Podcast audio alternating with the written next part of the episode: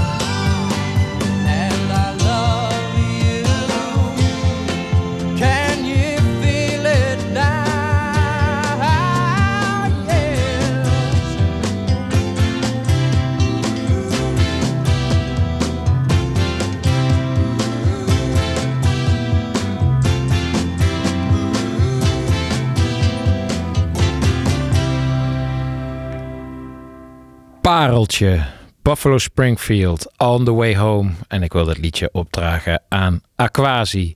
Want een hart onder de riem kan hij wel gebruiken. Na die toch weer een nieuw niveau bereikende schaamteloosheid. Waarmee hij op social media benaderd wordt na zijn eh, deelname aan de slimste mens. Desondanks een warm welkom bij eh, St. Paul's Boutique vanuit Tivoli Vredenburg. We gaan weer de muzikale week met elkaar doornemen. We hebben een geweldige, kan ik alvast verklappen, albumrubriek. Ik ga met eh, schrijver, dichter en theatermaker eh, Joost Ome praten over La Loupe, over haar debuutalbum.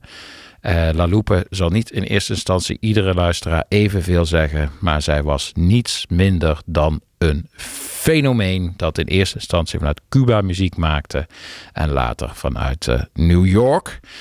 Laatste ruime half uur is daar helemaal voor ingewijd. En tot die tijd gaan we naar de vloervuller van de week. We gaan naar toch nog steeds wel de popquiz in Nederland. De enige echte Bosse popquiz in Willem II in Den Bosch.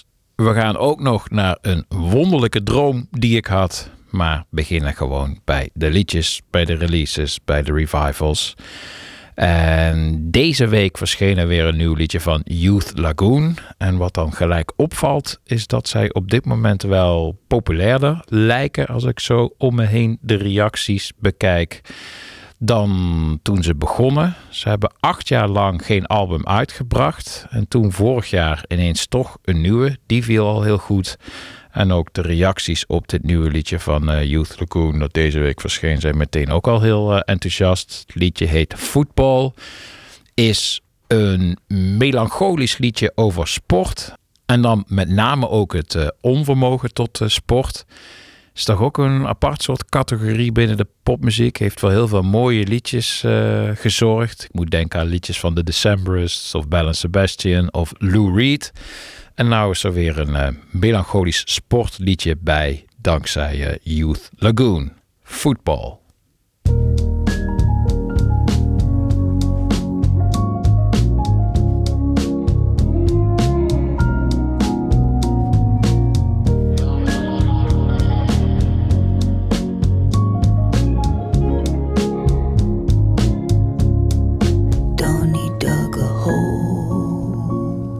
His face was wearing thin like an old shoe sole.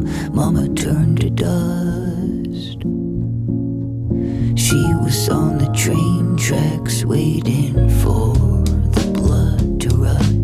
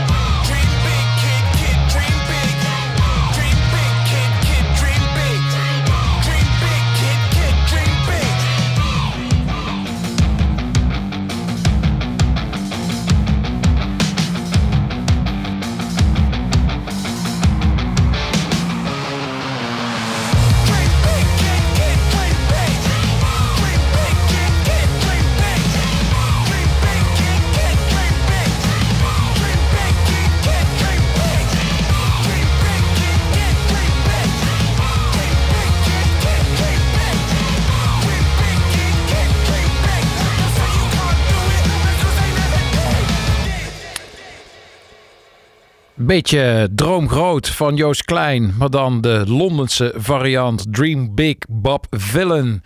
Dit doet het eh, erg goed op de dansvloer links van het midden. Bob Villain, hij maakt een kruising tussen eh, een beetje rave, hardcore en punk. En dan krijg je liedjes die klinken zoals de deze. eh, Dream Big. Einde van het afgelopen jaar wel redelijk veel gedraaid op menig dansvloer. En het gaat iedere keer los.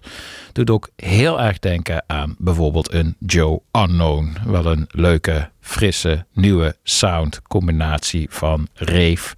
Soms ook jungle beats met eh, punk. Bob Villen. En ik heb Dream Big niet voor niks uitgekozen. Want ik had echt een wonderlijke, vrij fantastische droom. Iets wat me nog nooit overkomen is. Maar in de droom hoorde ik een liedje wat ik al jarenlang dacht vergeten te zijn. Maar dus door een droom tot me eh, kwam. Ik zat in de tuin bij een goede vriend van me. Die tuin is zoals die ook daadwerkelijk is in Nijmegen. En naast zijn tuin, aan de andere kant van het hek, vond een festival plaats. Zoals dat kan gaan in dromen. Het was een festival waar allemaal DJ's aan het draaien waren. En op een gegeven moment kwam eh, deze tune voorbij. En ik vroeg opgetogen aan mijn vriend: Jeetje, wat is dit ook alweer? Waarop hij meteen antwoordde: Bohemian Rhapsody van Queen. Waarop ik zei: Oh ja, natuurlijk. En toen werd ik zo ongeveer eh, wakker. Het was uiteraard een totaal ander nummer. Maar dat nummer bleef wel in mijn hoofd zitten. En ik dacht ook, verdomme, ik wil dit weer een keer gaan draaien. Ik vind het gek. Eh, Ik wist wel dat het een house nummer was. Zo'n beetje uit de tijd dat ik begon te draaien in de jaren negentig. Maar veel meer dan dat kon ik ook niet naar boven halen. Eh, ik werd midden in de nacht wakker. Wou het onthouden. Dus om het niet te eh, vergeten, heb ik via mijn telefoon met mijn eh, brakke hoofd even een eh, audioberichtje naar mezelf gestuurd. Waarin ik het themaatje reproduceer slash zing. En dat klonk ongeveer als volgt. Boom, boom, boom, boom, boom, boom, boom, boom, boom. Boom, boom, boom, boom, boom, boom, boom, boom. Nou, dat was 's s'nachts. En wat me nou wel aardig leek, want ik ben op basis van eh, dit themaatje de volgende ochtend wel erachter gekomen welk nummer het nou was. En dan leek het me wel geinig om hier voor de podcast eens even mezelf weer erbij te halen. Boom, boom, boom, boom, boom, boom, boom, boom, boom. Boom, boom, boom, En een loopje te maken. Boom, boom, boom, boom. Een loopje van het thema, door mij brak ingezongen. boom, boom. Ga het versnellen.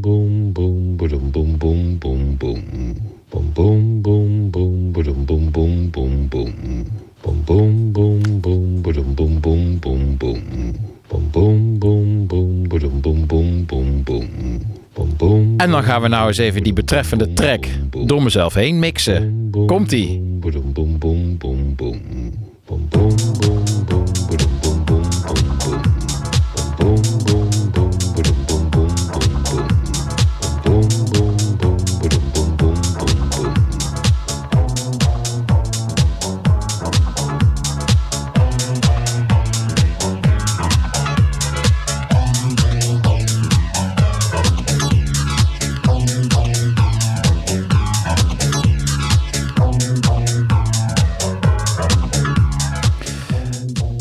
Themaatje heb ik altijd zo'n ontzettende oorworm gevonden. Met veel plezier gedraaid. En was hem helemaal kwijt.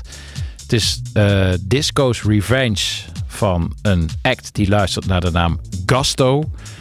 Een one-hit wonder kun je het wel noemen. Maar man, wat is het nog steeds aanstekelijk. En het kwam dus via een droom tot mij. Maar ik wil nu even het origineel gaan draaien van dit eh, thema. Want dat wist ik wel nog. Toen ik dit aan het neurien was en de volgende dag terughoorde, toen dacht ik: hé, hey, dit is eh, de baslijn van een absolute disco-klassieker. Maar waar is het ook alweer in gebruikt? Daar moest ik dus even naar zoeken. Dat was het nummer dat je net hoorde: Disco's Revenge van Gusto. Maar het origineel is misschien wel nog toffer. En die ga ik hier nu eh, voor je opzetten. Een origineel dat regelmatig ook eh, gesampled is. Of nagespeeld is in meerdere latere disco slash house tracks. Harvey Mason met Groove in You. You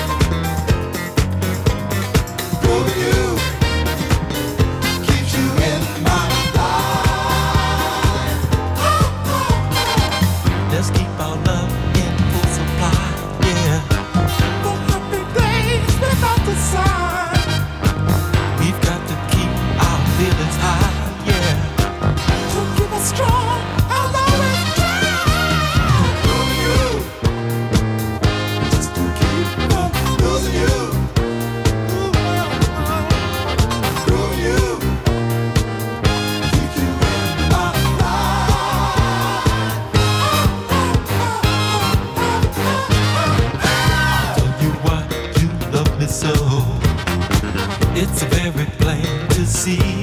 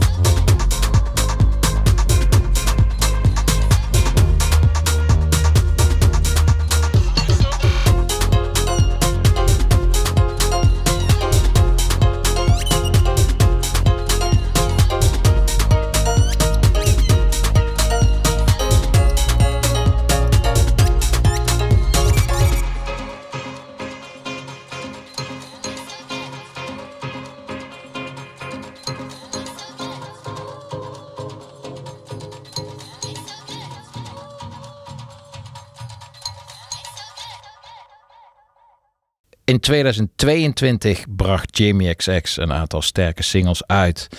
Daarna concentreerde hij zich vooral op het eh, produceren van muziek van zijn eh, bandmaatjes uit de XX. Hij produceerde voor Romy, hij produceerde voor Oliver Sim. En nu aan het begin van 2024 is er weer een liedje onder zijn eigen naam. En die hoorde je net. Het is geschreven voor een eh, reclamecampagne van eh, Coco Chanel. En het eh, grijpt heel erg terug naar die tracks die hij al uitbracht begin 2022. Maar daar is de dansvloer hem zeer erkentelijk voor. Want reken maar dat deze er de komende weken, in ieder geval in mijn sets, primetime opgaat. Nieuwe Jamie XX. Geweldige track. It's so good. En dan moesten we nou maar even stilstaan bij die popquiz waarbij ik aanwezig was afgelopen zondag. Hele zondag quizzen. Daar staat eh, de enige echte Bosse popquiz ook om bekend. Flink de zweep erover. Je bent van 12 uur smiddags tot half 7 s'avonds non-stop bezig. Heerlijk vind ik dat. En het wil wel wat zeggen dat je eh, in mijn geval dan tweede wordt van de 35 teams op één punt afstand van de winnaar en toch een leuke tijd gehad hebt, dan heb je een goede quiz gemaakt. Want er is natuurlijk niks frustrerender dan verliezen op één lullig puntje. Zeker als er zoveel punten te verdelen zijn de hele dag door. Je schrikt nog regelmatig wakker en denkt: eh, verdomme, had ik daar nou toch maar gekozen voor die artiest of die titel. Maar niks daarvan, keihard tweede worden.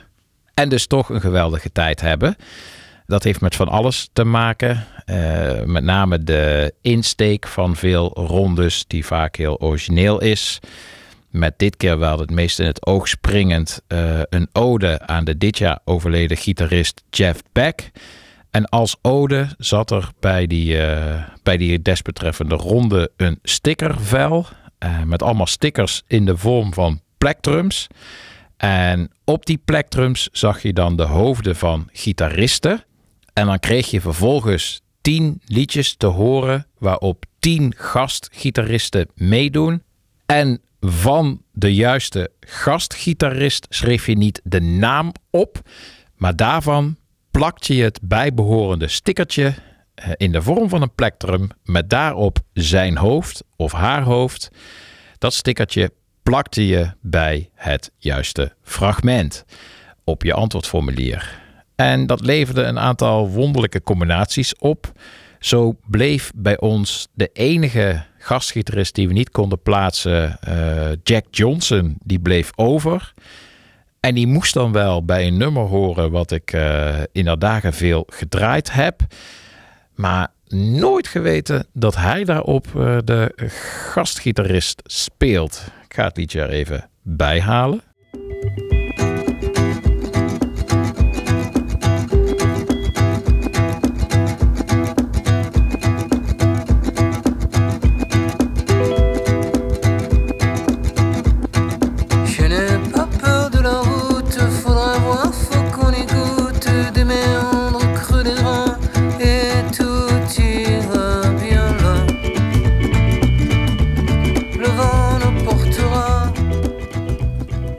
Le Vent nous portera met eh, gastpartijen van eh, Jack Johnson. Nooit geweten. Eh, zo wist ik ook niet dat Lemmy van Motorhead ooit Rody was van Jimi Hendrix. En dat zijn toch ook de betere quizzen. Dat antwoorden die je niet weet, dat je die wel had willen weten en je dus bij blijven. Wat ik ook mooi vind aan die enige echte Bosse Popquiz is dat ze zeer trouw zijn aan hun vaste DJ. Zo draait daar al zolang als ik er kom DJ Andyman eh, fijn zijn eigen favoriete platen. Over het algemeen hele lange platen. Dat kunnen 12-inch edits zijn van disco tracks. Het kan een hele lange Lee Perry dub versie zijn. Eh, je hoort heel veel voorbij komen wat je dan wel in je eigen platenkast hebt staan, dan wel wil dat het er snel in komt te staan. En ook fijn dat zo iemand dat jaar in, jaar uit eh, blijft doen. Zet ook een handtekening onder zo'n quiz. Als altijd genoot ik ook van eh, de eh, teamnamen. In dit geval moest ik het meest grinniken om Cradle of Filth Collins. Waar ik een stuk minder om moest grinniken is mijn eh, eigen hoofd. en een frustratie dat je met name recente dingen al zo snel weer eh, vergeet. En het meest frustrerende vind ik het dan dat zelfs nummers die je in de afgelopen twee jaar helemaal stuk gedraaid hebt, dat je dan heel hard moet denken hoe die band ook alweer heet. Terwijl het notabene ook nog vorig jaar Best Kept Secret stond. En dan heb ik het in dit geval over eh, Surf Curse. Maar dat je dan wel op een enigszins matige, licht corny R&B pop act als Liberty X komt. Dat dus random kennis van meer dan tien jaar geleden je zo oplepelt. En iets recents en veel gedraaid zoals eh, Surf Curse helemaal niet. Ik wil het even rechtzetten met mezelf. Ik wil nu het nummer eh, Surf Curse ook graag in de boutique draaien. Te meer omdat het nummer door TikTok in een ongelofelijke stroomversnelling is geraakt. Het heeft een miljard streams op Spotify. Ik herhaal, een miljard streams. En toch wist bijna niemand in Den Bosch de band Surf Curse te noemen. Dat geeft ook al aan wat voor eigen wereld TikTok is en hoe groot het gat soms is tussen een jong en een oud publiek in wat ze luisteren. En daarom wil ik hem hier in de boutique toch even de etalage geven die het verdient. Ook voor een publiek van alle leeftijden. Surf Curse Freaks.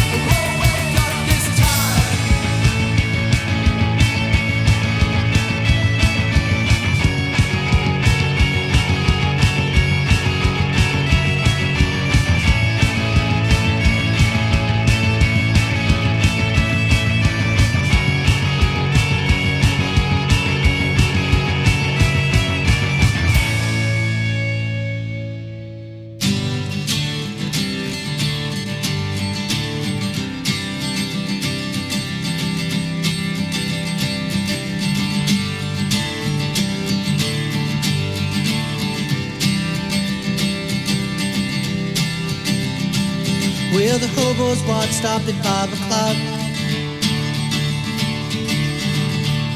I fear I'll never find him. Oh, dear John, where are you? I know you're out there somewhere. Well, I've got a hurricane in my pocket. But no one will believe me. They poured a bucket of tar on top of a flower. Somehow I knew they'd try it to find it and defy it and to buy it. Oh, let's go dancing. Oh, let's go dancing. Said the firefly to the hurricane. Said the falling rain to the open flame. How many times? Oh, stop the freight train with a grain of sand. Can you hear it crashing? Split a mountain in two with of snow. Still, they won't believe me. Well, the tales were told, the stories were. For some reason, I believed him. I said, What do you know about revolution? When all I was patience and waiting and making a statement. Oh, let's go dancing. Oh, let's go dancing. The firefly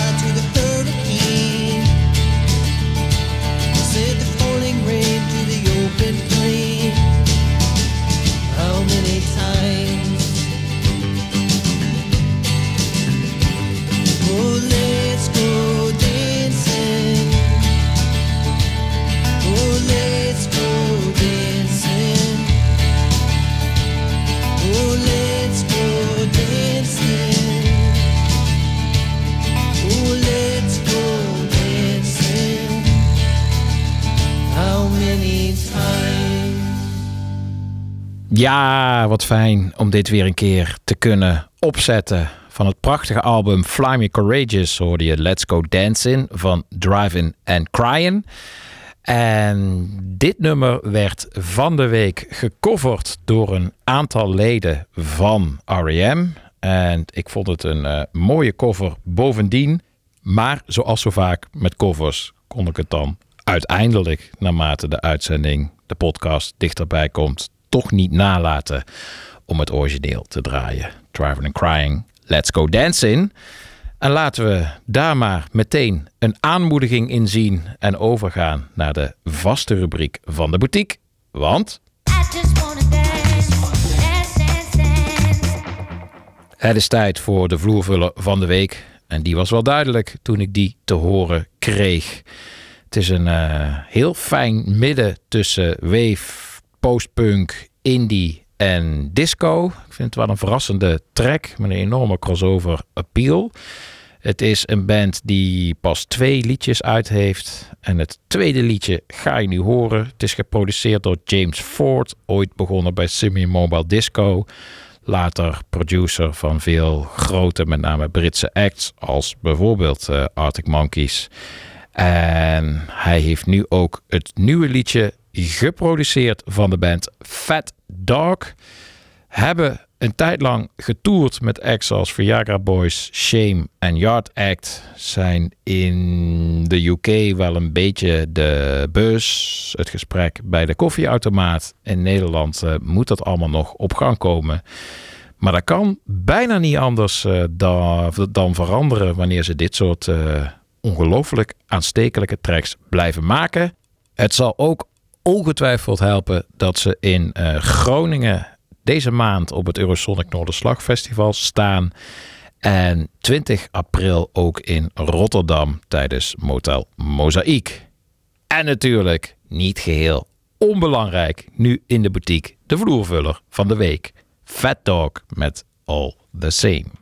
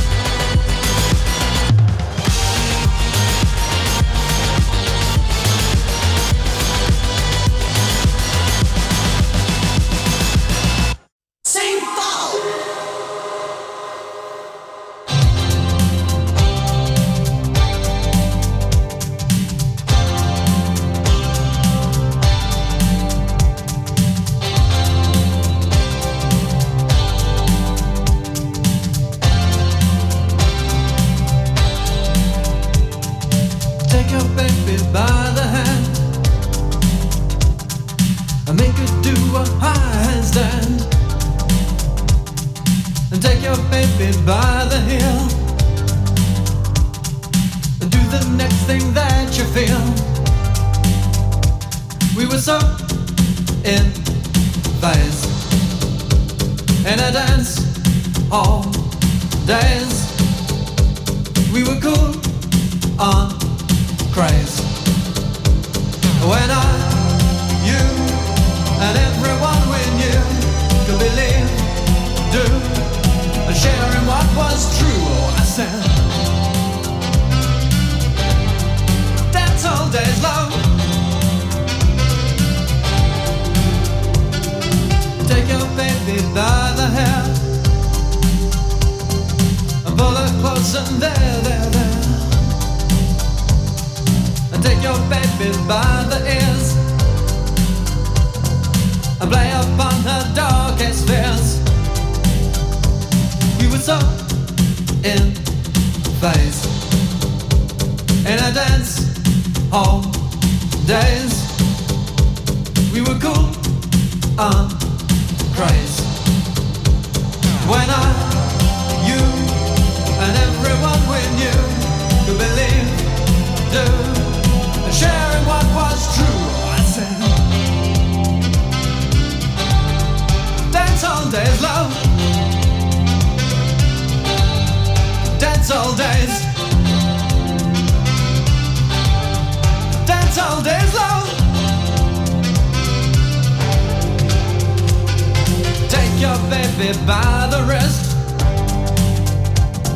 And in her mouth an amethyst And in her eyes two sapphires blue And you need her and she needs you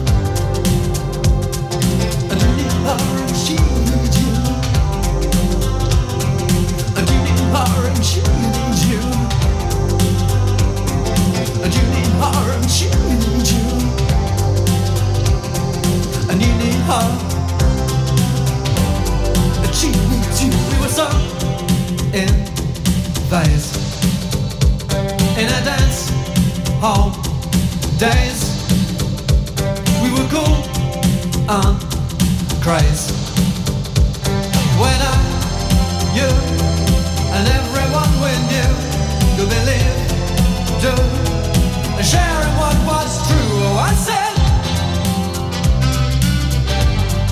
dance all days long.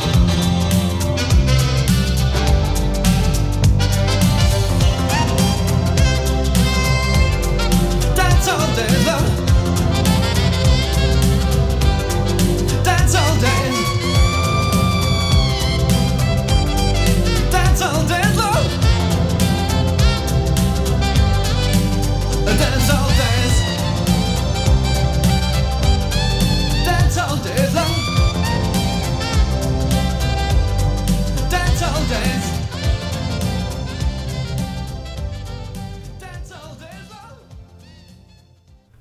Dance All Days van Wang Chung. Een nummer dat maar levendig blijft dankzij allerlei eh, soundtracks en series.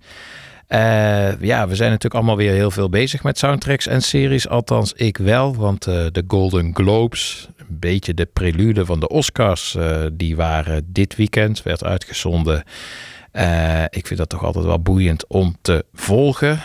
Dit keer helemaal vanwege een opvallend slechte openingsmonoloog. Door een volledig misplaatste komiek. Met allemaal fronsende acteurs in het publiek. En een ronduit honende Taylor Swift. Verder viel het op dat er nog veel meer beeldjes dan verwacht naar Oppenheimer gingen. En opvallend weinig naar de concurrent vanaf dag 1 Barbie. Wat ik geweldig vond was dat er drie Golden Globes naar zowel Matthew McFadden als Sarah Snook als Kieran Culkin gingen voor hun rollen in Succession. En met name het dankwoord van Kieran Culkin is het terugkijken waard. Voor de Succession-fan vrij onmogelijk om daarna te kijken zonder ook even te denken aan de opgedrongen speech die zijn personage geeft in een kerk aan het einde van Succession. Maar ook zonder dat is Kieran Culkin altijd het eh, bekijken waard. Iets minder verrassend was de Golden Globe voor beste liedje. Die ging naar Billie Eilish. een van de slechts twee Golden Globes die eh, Barbie zou eh, winnen. En voor mij nu de aanleiding om even met jullie stil te staan bij liedjes die het meest in de filmgeschiedenis gebruikt zijn in films. Ik hou me even, beperk me even tot films en niet tot series. Eh, dan kom je online redelijk snel bij een overzicht van mensen die het allemaal netjes bijgehouden hebben. En dan zie je dat bijvoorbeeld het nummer dat je net hoorde, Dancehall Days, eh, erg hoog staat in een top 30 van meest gebruikte liedjes in films.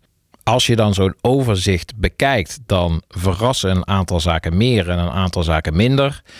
Zo staan er meerdere eh, kersthits in. Ja, dat wordt natuurlijk elk jaar opnieuw opgelepeld, ook in film. Bijvoorbeeld Merry Christmas Everybody van Slade. Dat brengt hun nog steeds een half miljoen pond per jaar op. Ook dat een nummer als Let's Get It On van Marvin Gaye hoog staat in zo'n lijst laat zich enigszins raden. En dan met name ook onder welk type scènes Let's Get It On gebruikt wordt.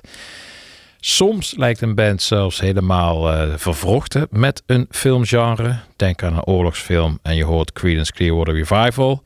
Dit stond dan allemaal ook eh, hoog in die lijst. Maar ik wil nu even kort een paar opvallende nummers uit de top 10 doornemen. En dan te beginnen met de nummer 10.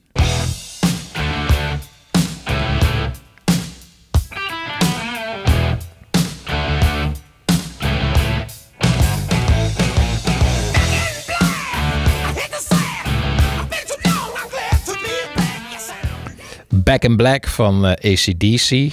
Opvallend veel gebruikt in series rondom eh fantasiekarakters. Iron Man, Spider-Man, maar ook eh, de Muppets en de Smurfen film.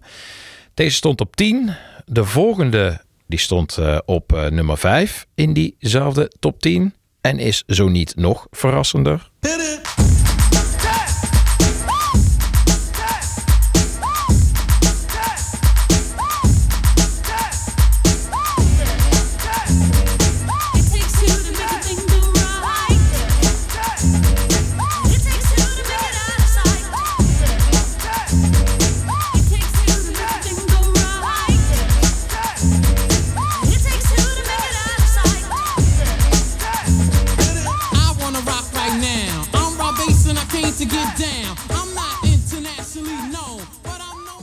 Rob Bass en DJ Easy Rock met It Takes Two is gebruikt onder andere in de Disaster Artist, Coyote Ugly en wederom Iron Man. Sowieso zijn Marvel films verantwoordelijk voor de meeste needle drops van oude nummers in films.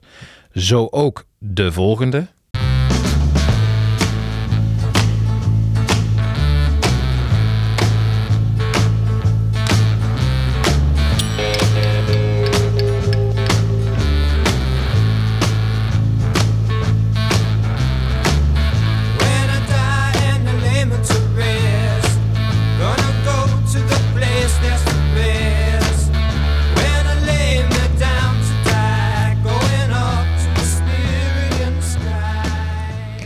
Spirit in the Sky van Norman Greenbaum. Ik las een eh, interview met Norman Greenbaum dat, waarin hij zei dat hij kippenvel kreeg toen hij het in Guardians of the Galaxy terughoorde. Maar dat hij ook het gebruik in Apollo 13 en Contact te gek vond. Sowieso leuk om eh het interview over deze tijdloze blockbuster van een hit terug te lezen. En ook zijn reactie op dat gebruik in films. Dus ik zal het interview in onze show notes eh, plaatsen. Ik ga nu over naar de nummer 1. Het meest gebruikte liedje in films. Wat mij dan toch ook weer ten zeerste eh, verbaasde. Want ik zou willen zeggen, waarom in godsnaam? Maar het is toch echt zo. De nummer 1, meest gebruikt van alle liedjes die je kunt kiezen in films, is deze. You can't touch this. You can't touch this. Touch this. You can't touch this. My, my, my, my music hits me so hard, makes me say, Oh my Lord, thank you for blessing me. What am I to rhyme and me? It feels good when you know you're down. A super dope homeboy from the Oak Town Ja, ja. Tropic Thunder, Into the Wild, Charlie's Angels. Slechts een aantal eh, voorbeelden van eh, het gebruik van MC Hammer's You Can Touch This. De vrolijkheid van dit liedje ten spijt wil ik nu toch een nummer gaan draaien met een wat droevigere aanleiding. Afgelopen zondag was voor mij eh, ouderwets televisie kijken. Niet alleen door eh, de Globes, maar ook doordat de publieke omroep de geweldige film The Father uitzond.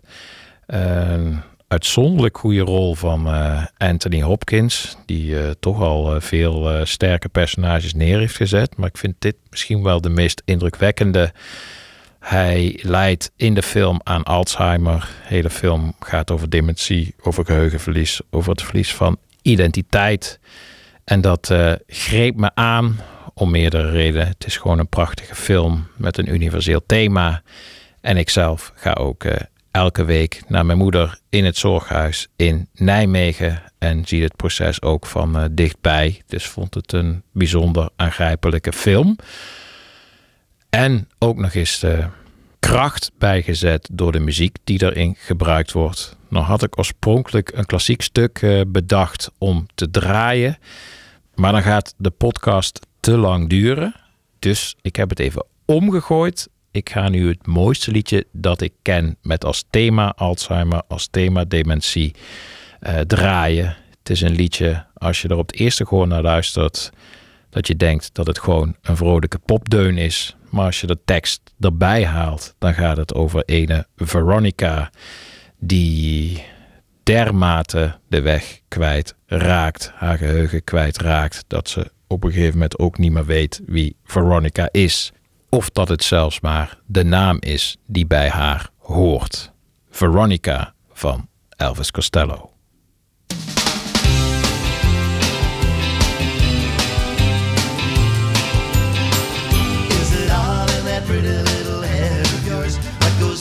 That place in the dark?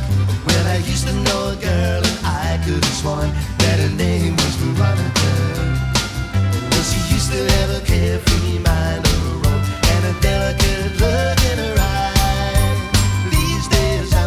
she's not even sure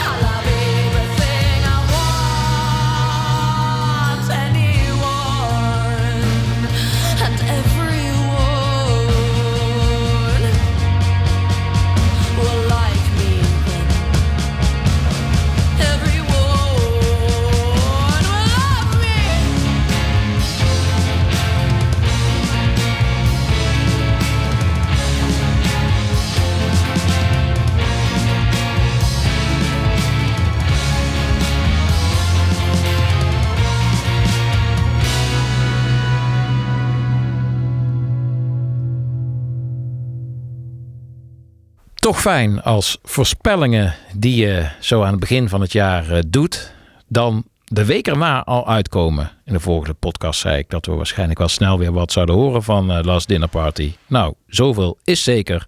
Dit is het nieuwe nummer dat ze uitbrachten deze week. Caesar on a TV Screen.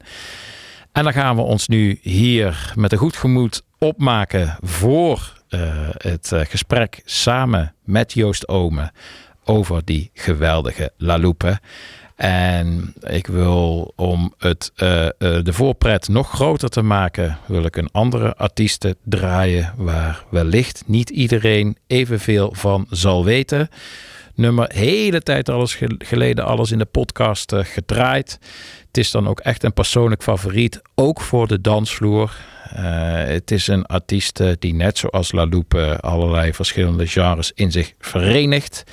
In dit geval komt ze niet uit Cuba, maar uit eh, Zuid-Afrika. Ze heet Letta Mbulu en heeft met name in het nummer What's Wrong with Groovin echt zo'n beetje de definitie van een nugget gemaakt.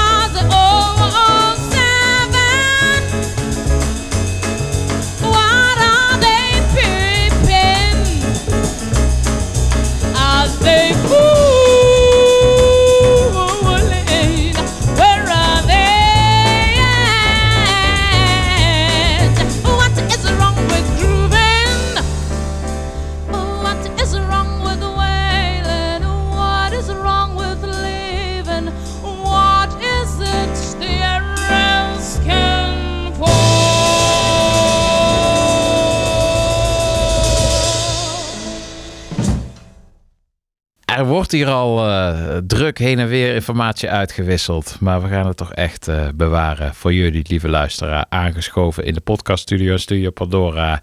Schrijver, dichter, muziekliefhebber eh, Joost Omen. Hoi. Hoi. Nou zeg ik als schrijver, dichter, muziekliefhebber. Maar ik heb ook een andere hobby van jou ontdekt. Wij waren zo tegen het einde van het jaar gezamenlijk op een feestje. En daar zag ik jou als een volleerd personage uit Boogie Nights uit de... Uit je jaszak, uit je broekzak. Ik weet niet waar ze allemaal vandaan kwamen. Maar gewoon eh, voetzoekers eh, aansteken en, eh, en weggooien. Ja, ja, dat, ja nou ja, het was inderdaad vlakbij Oud en Nieuw, dus dan mag dat. Ten Zeker. eerste. En ten tweede vind ik vuurwerk eigenlijk heel eng. Maar voetzoekers vind ik dan weer heel leuk. Want die zijn maar klein en ze, ze, ze hebben heel veel effect. Dus ja, dat, dat, dat werkt. En ik koop er dan ook wel direct genoeg dat ik ook nog in de zomer dan zo af en toe één verdwaalde voetzoeker kan afsteken. En is dat iets wat eh, al van jongs af aan, eh, of eigenlijk op latere leeftijd ontdekte voorliefde? Oh, nou ja, ik kom uit Friesland. Dus daar, eh, ja, dan, dan kocht je van die enorme slof van astronauten als het, eh, als het eh, eh, eindelijk oud en nieuw was. En dan ging je dat allemaal af proberen te steken in één dag. Ja, Ja, dus, dus, dus dat ken ik nog wel van vroeger. en dan Maar- ook aan elkaar binden met ja, de lontjes. ja, ja, en, dat soort dingen allemaal. Maar goed, dat, dat, dat In- verleer je natuurlijk op een gegeven moment. Als je drollen normaal, en, in, en, ja, en in flessen. ja, en ja, ja. En er was ook een jongetje op de middelbare school, een vriend van mij, en die verkocht karbiet vanuit zijn kluisje op, op de middelbare school. Wat hartstikke link was, want als een kluisje daarboven bijvoorbeeld een waterfles was gaan lekken, dan heb je wel een flink probleem met karbiet. Maar eh, nou ja, op een gegeven moment verleer je dat en dan, dan, dan, dan, doe je daar niks. Dan, dan, ja, dan doe je daar dus eigenlijk heel goed niks meer mee. Maar voetzoekers blijf ik altijd interessant vinden. Van die leuke kleurtjes en zo. En ze doen zo leuk zoom. Dus al die lawinepijlen onzin, dat vind ik verschrikkelijk. Maar voetzoekers zijn leuk. Ja, ik ben er toch wel met eh, verbazingwekkend veel plezier getuige van eh, eh, geweest. Fijn. Inmiddels ben jij doorgeëvolueerd van, van, van vuurwerk eh, praktijkspecialist naar ook nog eens in het theater staand. En met een vrij bonte en vooral heel drukke korte termijn agenda. Je doet eh, plekken aan, bekende plekken, bekende theaters. Maar je gaat ook naar plaatsen als eh, eh, Kampen of plekken waar ik nog nooit van gehoord had. Beuzegem, volgens mij. En dat nog wel redelijk dicht bij Utrecht zijnde. Ja, Ja, hoe, hoe, hoe is het voor jou om zo, vooral zoveel en vaak, je, je doet het natuurlijk wel vaker, maar volgens mij de eerste keer dat je echt zo... Met- Ja, het is voor de allereerste keer echt zo'n theatertour. Dus dat ik echt in mijn eentje langs de theaters ga. En die theatershow wilde ik graag maken, omdat ik zo graag aan zoveel mogelijk mensen wilde uitleggen wat poëzie is. En eh, hoe dat werkt en hoe dat door gedichten reist. Eh, eh, dus dat wilde ik maken, maar dat, ja, als je het aan zoveel mogelijk mensen wil uitleggen, dan moet je niet dus alleen een keer spelen in Utrecht en een keer spelen in Rotterdam en een keer in Amsterdam en een keer in Groningen en that's it. Maar ik vond, ja, ik moet echt naar alle plekken en alle, ook alle kleine theatertjes. En tot nu toe vind ik dat eigenlijk heel erg leuk. Dus dan kom je bijvoorbeeld in Watwaai, maar ook in Roden heb ik gestaan. En inderdaad binnenkort in Beuzegem en in Kampen en in Capelle aan de IJssel. Ja, dat, dat, dat, maar dat is volgens mij goed, want anders krijgen ze daar alleen maar Monique Smit op, op de visite. Met een eh, de, de Studio 100-achtige theatertour. en, en, en ik ben blij dat ik er ook op de visite mag komen. En andersom eh, sta jij ook niet alleen maar voor eigen parochie, parochie te, te, te prediken. En kan ik me ook voorstellen dat, je ook wat, eh, dat het voor jou ook weer een heel ander eh, gezichten zijn die je voor je neus krijgt. Ja, nee, klopt. Dat is zeker waar. En dat zijn andere mensen die, eh, ja, misschien wel evenveel of misschien nog wel veel meer van poëzie houden, maar die niet zo snel naar een poëzieavond in een kroeg in Utrecht gaan, bijvoorbeeld. Omdat, ja, dat is gewoon soms ver weg. Ja, Maar eh, dat, dat, dat betekent niet dat ze minder van gedichten houden of minder vatbaar zijn om van gedichten te gaan houden. En dat is wel een beetje de hele, het hele doel van die voorstelling. Ja. Mensen aan het gedichten lezen krijgen. Dus eh, ja, dan moet ik daar dus ook heen. Geweldig. Ik ga, dit, eh, ik ga er zelf heen. En ik ga het ook eh, delen in onze show notes. Jouw eh, bewonderenswaardig drukke schema voor de komende maanden. Ja, het wordt En dan- 30, 30 keer spelen, dus ik ben wel moe daarna. Maar het wordt wel gezellig, denk ik. Dat geloof ik. Het is een soort parade in het kwadraat en dan uitgesmeerd over het land. Ja, ja, heerlijk. Je zit hier nu in de hoedanigheid van muziekliefhebber. Je bent al een keer eerder te gast geweest. Toen hadden we het over eh, Willy Colon. En toen ik je benaderde om weer een keer langs te komen, toen ben je de vorige braaf terug gaan luisteren als eh, onopgelegd huiswerk. En toen kwam je eigenlijk tot de conclusie dat we daar het regelmatig hadden gehad over La Loupe. En dat dat wel vraagt om een nieuwe albumrubriek. En dat gaan we nu dan ook doen. We gaan haar debuut uit 1960 bespreken. Con El Diablo an al Cuerpo. Ik zeg het wellicht eh, fout, maar dan kan jij me zo meteen eh, corrigeren. Maar niet voordat je de openingsvraag beantwoord hebt, Joost Ome. Die luidt, ook voor jou, ook vandaag. Do you remember the first time? Ja, en dan moet ik direct opbiechten. Ik denk het eigenlijk niet precies. Maar wel een beetje. Want eh, eh, zoals ik in de vorige keer dat ik hier te gast was vertelde... dat ik eh, helemaal in de ban was geraakt van het Vania-label... omdat de Volkskrant een, een, een soort met verzamelbox van de beste Vania-albums had uitgebracht. En ik net begonnen was met conga spelen en timbalen spelen... en dacht, hier ga ik helemaal induiken. Toen ben ik daar een beetje verder op gaan borduren... En eh, toen, dat was, waren, was ook in de begindagen van YouTube en de begindagen van Wikipedia. Dus eh, dan eh, ga je zoeken en doorklikken en nog meer doorklikken. En toen was er opeens een zangeres die veel gevaarlijker en veel gekker leek dan al die andere salsa-artiesten bij elkaar. De bekendste eh, sa- salsa-zangeres die er, die er is, is natuurlijk Celia Cruz. Eh, die, die, die krijg je direct op je bordje geschoven als je salsa begint te luisteren. Maar Celia Cruz lijkt echt een, een, een, een ge- gezellige basisschoollerares in vergelijking met La Lupe. Want La Lupe is kne- knettert je gek. Ja. Ja, de, de vertaling eh, van dit eh, album is ook eh, De Duivel in Mijn Lichaam. Nou ja, als je haar live ziet optreden, zijn mooie beelden van op YouTube. Ja. Dan lijkt het ook wel met momenten De Duivel in haar lichaam. Ja, dat klopt. Zal ik anders gewoon even haar levensverhaal vertellen? Want dat is misschien wel handig om haar muziek te kunnen begrijpen. Volgaande. Oké. Eh, La Lupe is een zangeres en ze komt uit of van Cuba. Eh, niet direct uit Havana, maar uit een heel klein dorpje in de bu- buurt van Santiago. Eh, Santiago de Cuba. En eh, zij zat op de eh, eh, basisschool, nee, op de middelbare school, ik moet het wel goed vertellen. En toen was er een soort met zangwedstrijd waar alle meisjes van dat dorp aan mee wilden doen. Maar niemand kon er aan meedoen, want iedereen die zat op school. En toen is zij ontsnapt van school, is naar dat radiostation gehold waar de, de wedstrijd was, heeft gezongen en direct werd ze opgemerkt. Dat was fantastisch. Toen verhuisde het hele gezin naar Havana. Eigenlijk zodat La Lupe eh, daar eh, eh, in de, ja, de schoolopleiding kon om, om, om juf te worden. Maar dat ging ze allemaal niet doen, want ze wilde veel liever in het nachtleven gaan zingen van Havana. En dat ging ze vervolgens ook doen. Daar werd ze direct een enorme ster, want ze was enorm wild in haar optreden. Ze gooide zichzelf tegen de muur, ze bad, beet zichzelf zo in haar lichaam terwijl ze aan het optreden was. Ze was haar pianist aan het slaan met een schoen, zodat hij sneller moest gaan spelen. Ze was aan het krijsen knettertje gek. Dat vonden sommige mensen fantastisch. Andere mensen vonden het verwerpelijk en schreven boze stukken in de krant. Toen kwam de revolutie. En die revolutie hield ook in dat het hele nachtleven van Habana op de, op, op de schop ging. Eh, waar het eerst enorm levendig was. En eigenlijk alle grote artiesten van die tijd, ook uit het buitenland, daar gingen optreden. Was dat opeens afgelopen. En La Lupe besloot: ik moet dan maar naar het buitenland. Hier kan ik niet werken. Toen is zij in New York terechtgekomen. Daar heeft ze eerst gespeeld met de grote Mongo Santa Maria, die we kennen van het beroemde nummer Watermelon Man. En vervolgens met Tito Puente, die we ook allemaal kennen, een van de belangrijkste timbalenspelers eh ooit. Eh, daar heeft ze een paar platen mee gemaakt, dat ging ontzettend goed. In de jaren 60 was dat ongeveer, toen was, zij eigenlijk de grootste s- eh, Latin-zangeres die ertussen zat. Zij was de grote ster.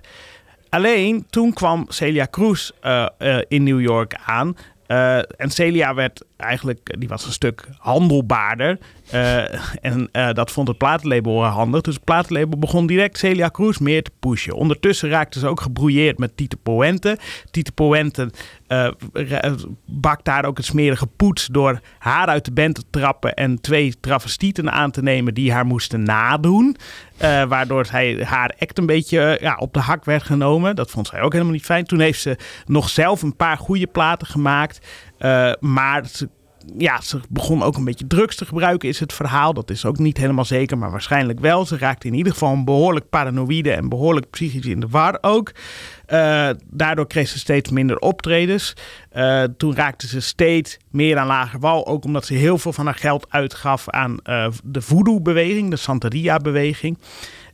Toen is ze naar Puerto Rico gegaan, heeft ze daar ook wat brokken gemaakt. Weer terug naar New York heeft ze geprobeerd om een eh, gordijntje op te hangen in haar huis, waardoor ze van een trapje viel en haar rug brak, in een rolstoel terecht kwam, eh, kortsluiting in haar huis kreeg, waardoor haar huis afbrandde, in een, eh, een, een dakloze opvang terecht raakte. Het ging helemaal mis en toen heeft ze ze- zichzelf bekeerd tot de Born Again Christian beweging.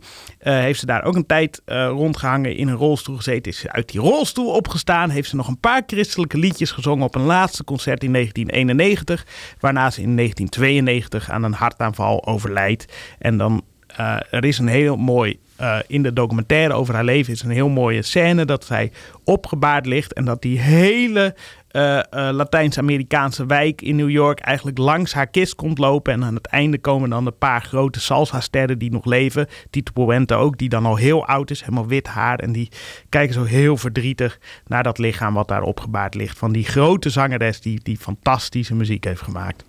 Bedankt allemaal voor het luisteren. Dit was de album. Ja, sorry. nee, Ja. eh, geweldig. eh, Joost, wat, wat een leven.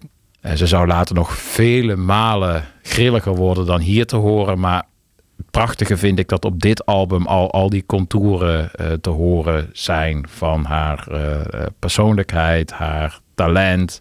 En haar gekte. Ja, ja, precies, ja. Maar ook, aan de ene kant is het gekte. En aan de andere kant las ik ook een interview met haar... waarin ze zei, dat was een interview afgenomen in de jaren zestig... waarin ze ook expliciet zegt... ik wil me de vrijheid eh, permitteren die heel veel andere vrouwen eh, dan wel niet durven, dan wel niet eh, zich kunnen permitteren. Dus het was niet alleen gek, er zat ook nog wel een... eh, Jazeker. En ook een enorme muzikaliteit. En ook, om het in goed Nederlands te zeggen, showmanship zit erachter. Dus zeker. En ja, daarom heb ik deze plaat ook meegenomen. Om er direct maar even... Is dat goed als we Ja, er direct op ingaan? Nee, deze plaat is dus... Kijk, zij heeft een heleboel platen opgenomen in, in New York. eh, met Tito Puente. Maar deze plaat is opgenomen op Cuba. Eh, en zij speelde daar in een kroeg, eh, of eigenlijk een nachtclub is het meer, en die heette La Red. Dus de, de rooie. En eh, daar, daar, trad zij op in een soort met schimmige omgeving met een band. En die band die vuurde ze maar de hele tijd aan. Ze zei heel, vaak het moet sneller, het moet sneller. En die band zei ja, dat kan helemaal niet. Je wilt het wel sneller, maar dan, dan dat, dat, dat, kun je helemaal niet aan. Meisje was de subtekst. Maar toch dat eisen en vervolgens eh, dat, dat, dat heeft die pianist ook aangegeven in een interview. Van, vervolgens speelden we het sneller en begon ze te zingen en ze- het lukte haar. En shit, toen had ik als pianist een probleem, want mijn solo kwam eraan en ik kon dat helemaal niet aan om zo snel die dingen te gaan spelen. Maar zij, zij kon dat dus wel aan. En dat, dat, ja, dat is te, te gek hoe ze dat dan, ja, hoe zij eigenlijk door die muziek live nog veel sneller te gaan spelen. En ook als een soort met maniak eh, die dingen te gaan zingen. Heeft ze ook gewoon een ja, soort met eh, een rockachtige attitude in die eh, Cubaanse, ja, toch wel een beetje ingedutte sfeer gebracht. Ja, voor, voor mij is zij ook voor die muziek wat bijvoorbeeld Sister Rosetta Tharpe deed voor Ja. de gospel. Dat deed zij een beetje voor de, de, de crossover eh Latin eh, muziek uit die eh, periode. En we moeten niet vergeten, die, die periode, kijk, er werd redelijk suffe muziek soms gemaakt. De grootste ster toen was Olga Gui- Guillot. En dat is wel echt nou, nou, mooi zingen. Eh, en dat, dat is niet erg, maar dat, ja, dat is mooi. mooi, mooi. Maar die, die, die, dat nachtclubwezen daar in zo de jaren 1957, 58, 59 en ook wel een groot deel van 60. eh, o- in Havana was het meest bruisende van de wereld. Daar, daar gebeurde het en het was daar heel intens. En sterker nog, er waren heel veel Amerikanen die daar naartoe gingen om in dat nachtclubwezen te, uit te gaan. En niet alleen maar eh, rijke zakenmensen, die waren er ook. Eh, Dat zie je ook in de, in de Godfather bijvoorbeeld, eh, wo- wordt dat ge- geportretteerd. Maar ook allemaal kunstenaars. En sterker nog, La Lupe die heeft een heleboel kunstenaars, belangrijke kunstenaars, in haar fanbase gehad. Dus Ernest Hemingway kwam naar naar haar kijken. Die zat toen op Cuba. Maar ook Tennessee Williams. Eh, eh, Marlon Brando heeft haar nog zien optreden. En eh, wat ik heel leuk vind, Simone de Beauvoir. Dus ja, dat is dat, dat, dat en, en Jean-Paul Sartre, die was daar ook. Dus ja, die, die hebben haar allemaal zien spelen. In zo'n gek nachtclubje, terwijl ze daar over het podium aan het rauzen was. als een soort met punker avant la lettre. Dus ja. Ja, en toen kwam Castro. En toen kwam Castro en toen moest het allemaal naar, naar, naar, naar New York. En kwam ze in een nog veel meer macho gedreven maatschappij terecht. En werd het, wat, werd het ingewikkelder. Maar ook daar heeft ze zichzelf heel goed staande gehouden. Als eh, vrij, eh, ja, eh, ja powerhouse van een vrouw. Ja, wat ik daar gaaf vind, uit die periode weet ik zelf dan weer net ietsie pietsie meer van. Maar dat ze daar eh, in de Apollo eh, zien, nou dat was ook echt, eh, ja, make it or break it, zeg maar. Als je je daar zelf niet staande wist te houden, dan eh, was het ook gelijk klaar met je, met je carrière. Er zijn, in de Apollo Theater is dat eigenlijk van eh, James Brown eh, tot en met ook nog de tijd van Lauren Hill een, een, een, enorme test voor artiesten geweest. Eh, je werd daar door het publiek eh, opgehemeld of helemaal afgemaakt. En ja, zij nota bene ook met Tito Puente en zoveel andere artiesten die daar al gevestigde naam waren, die ze dan toch van het podium af blies vanaf het eerste moment dat ze daar seconde dat ze het podium betrad. Dus ook New York werd gelijk in diezelfde, met diezelfde manisch geniale presentatie eh, veroverd. Dat vind ik zo'n prachtbeeld. En het schijnt dat er in, eh, in, in, in de Bronx ook een, een, een straatnaam naar haar eh, vernoemd Ja, is. En Klopt. Dat is zo. Maar je hebt het ook, eh, want zij, zij speelde, zij was live natuurlijk helemaal fantastisch. Eh, maar ook dat zij een paar keer op televisie heeft gespeeld. En dan eh, zie je ook dat dit zo'n echt zo'n Amerikaanse eh, televisiehost, Dick Cavett heet die man. En die wordt dan geïnterviewd over wat hij er toen van vond dat La Lupe kwam spelen. En hij zegt, ja, ik weet nog heel goed de reactie van mijn achtergrondband. Die met open mond naar de repetities zaten te kijken. En dat was precies dezelfde reactie als ze hadden op Jimi Hendrix en op Fred Astaire toen die in de, in de show kwamen. Ja. Maar van die klasse is, is La Lupe echt. Want zij, als zij optrad, dan daalde er een soort met geest in haar... Waar, die haar helemaal overnam. En echt in een soort met enorme explosie van artisticiteit en dus showmanship... Eh, en dat stortte ze over het publiek heen. En als het lied dan ook klaar was, dan was ze weer, dan was ze weer een heel aparte, heftige mevrouw. Bijna kinderlijk soms, maar ook eh, met een enorme charme die je overstelpt. Maar weer op een heel andere manier een artiest. En dat vind ik heel mooi, dat je, zij echt, echt die, die heel voornamelijk echt krachtig is wanneer ze aan het zingen is. En niet eh, wanneer ze naast het podium staat. Nee, ik zou ook iedereen willen aanraden om... eh, die documentaire staat op YouTube. Ja. En ook gewoon de losse beelden van haar op YouTube te kijken. Want ik kan me voorstellen dat er heel wat luisteraars zijn... die niet gehoord hebben van La Lupe. En nu denken, ja jongens, eh, jullie zijn een beetje interessant aan het doen.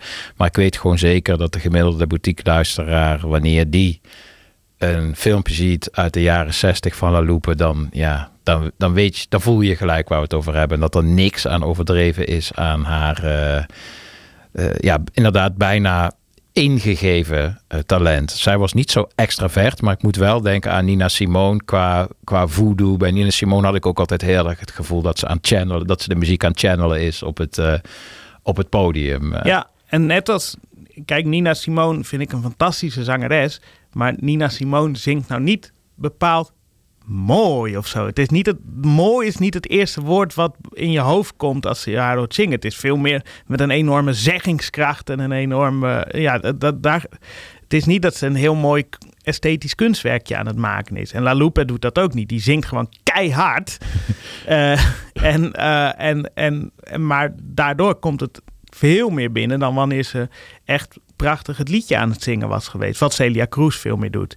En als je dan toch op YouTube zit, er staat ergens een compilatietje op YouTube van dat ze de opname van Fever, eh, eh, het bekende lied Fever, eh, La Lupe heeft daar twee keer een opname van gemaakt. Eén keer op Cuba, die we straks denk ik nog wel even gaan luisteren. Maar ook, ook nog in, in, in New York. En die versie in New York, die wordt dan tegenover de versie van Fever van Celia Cruz gezet, die het ook heeft gezongen. En dan denk ik, nou, leuk liedje, Celia Cruz, daar beginnen ze mee. Nou, eh, ja, dat ze hartstikke leuk. En dan zetten ze de versie van La Lupe er tegenover. En dan denk je, wow, wat ge... Doe normaal! maar Ja. dat, ja, dat, eh, dat, ja, een enorme powerhouse. Ja, dan wordt, bij die versie moet ik altijd een beetje denken aan, eh, ook wel heel bekend.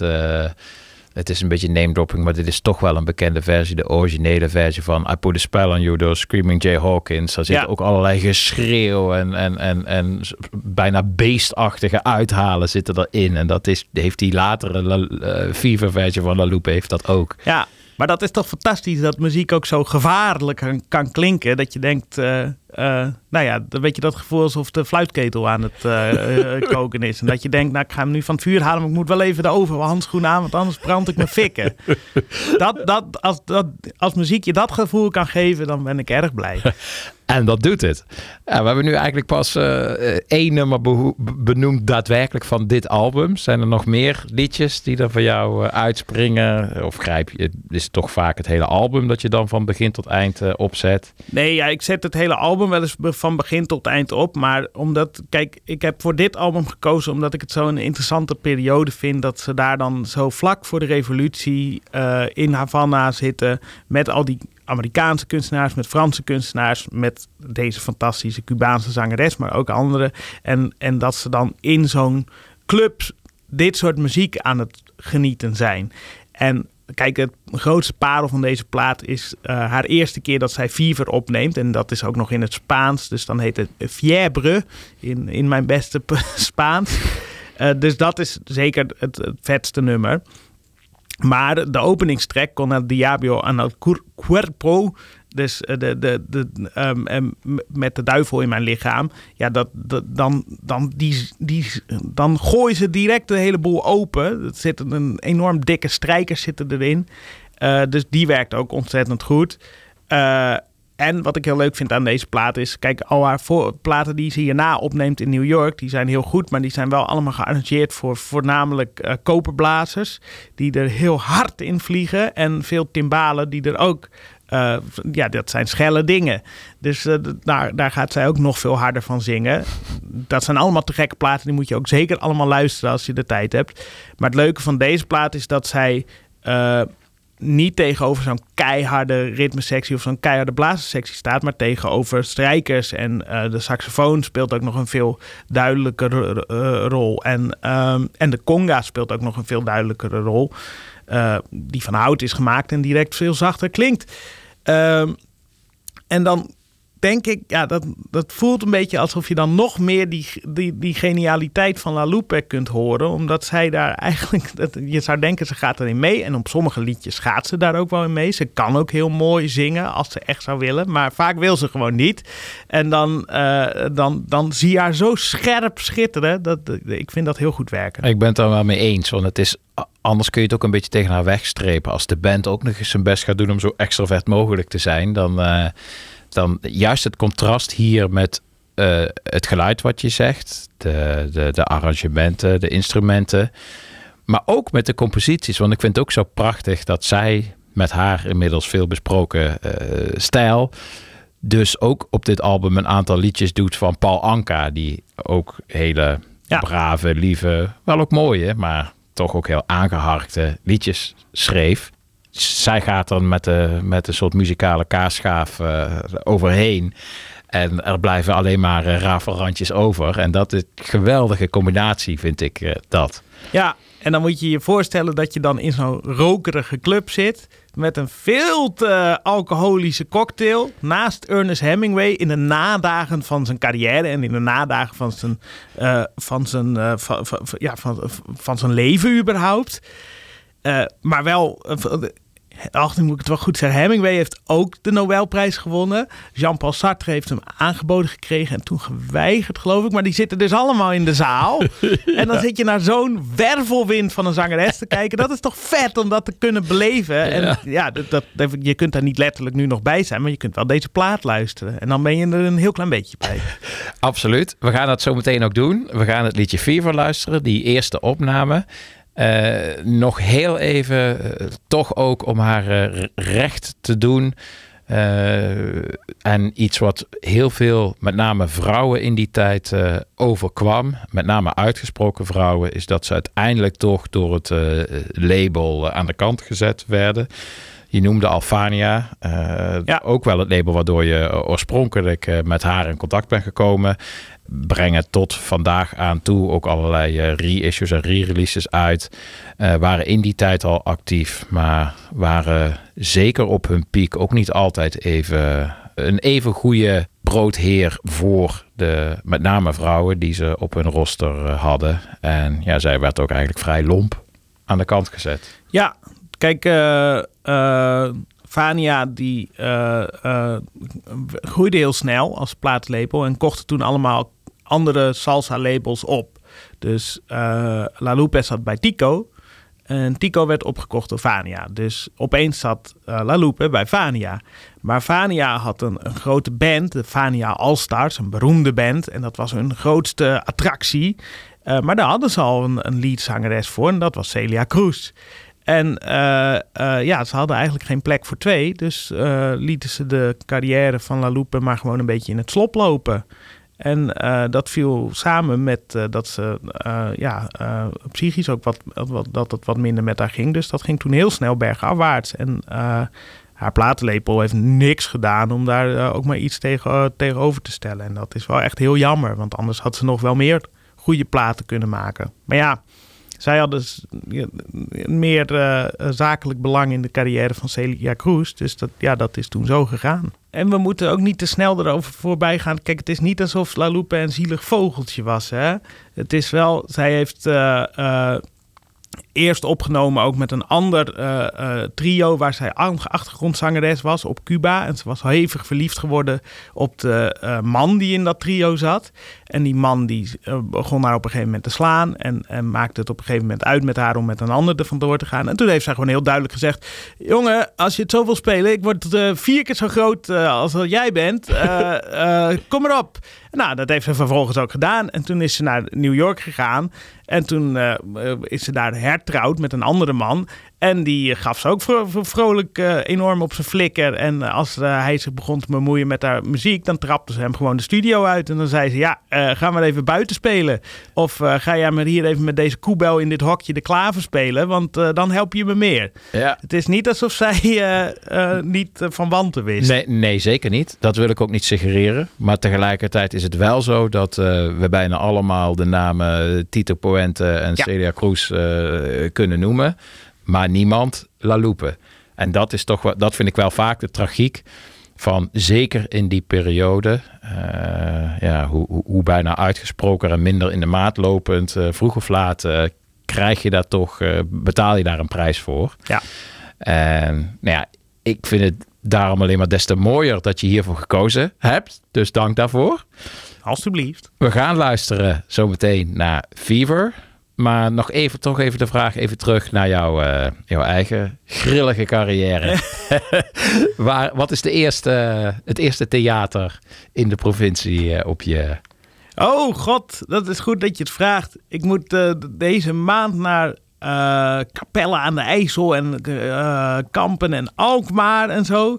Maar volgens mij eh, ook naar Amstelveen en zelfs nog een keertje in Amsterdam in het Meervaarttheater. Dus Ah, ja. het is volgens mij voor iedereen wel te bereiken. Maar Ja. binnenkort in februari dan mag ik naar de Oosterpoort in Groningen.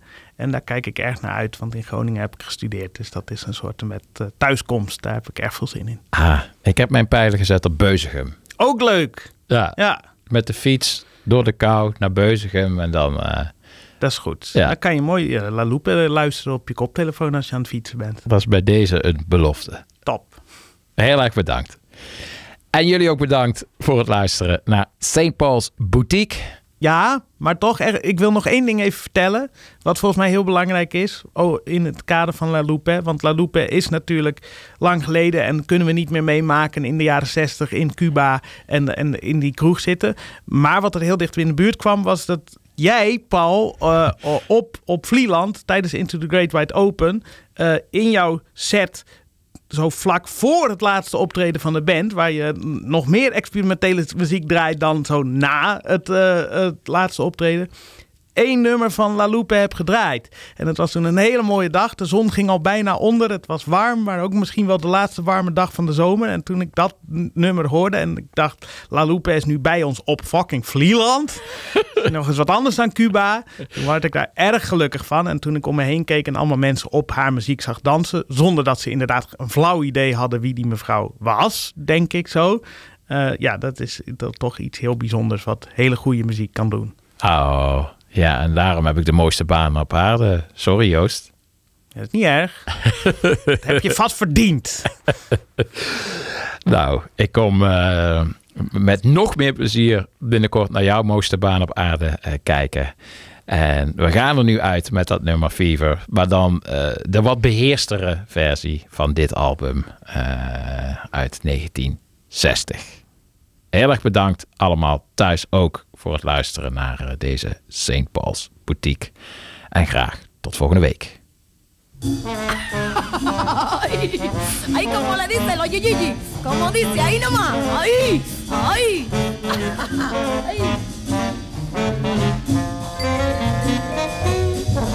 Llévalo, llévalo.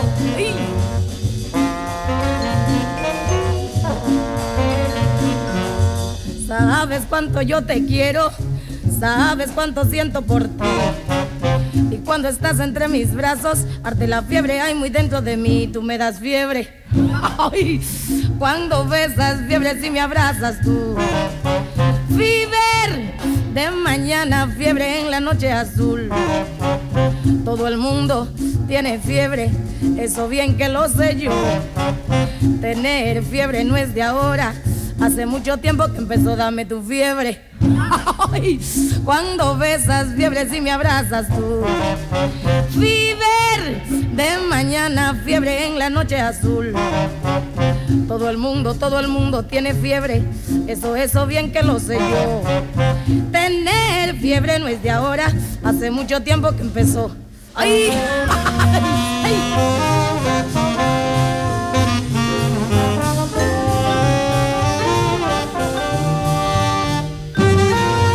Sabes cuánto yo te quiero, sabes cuánto siento por ti.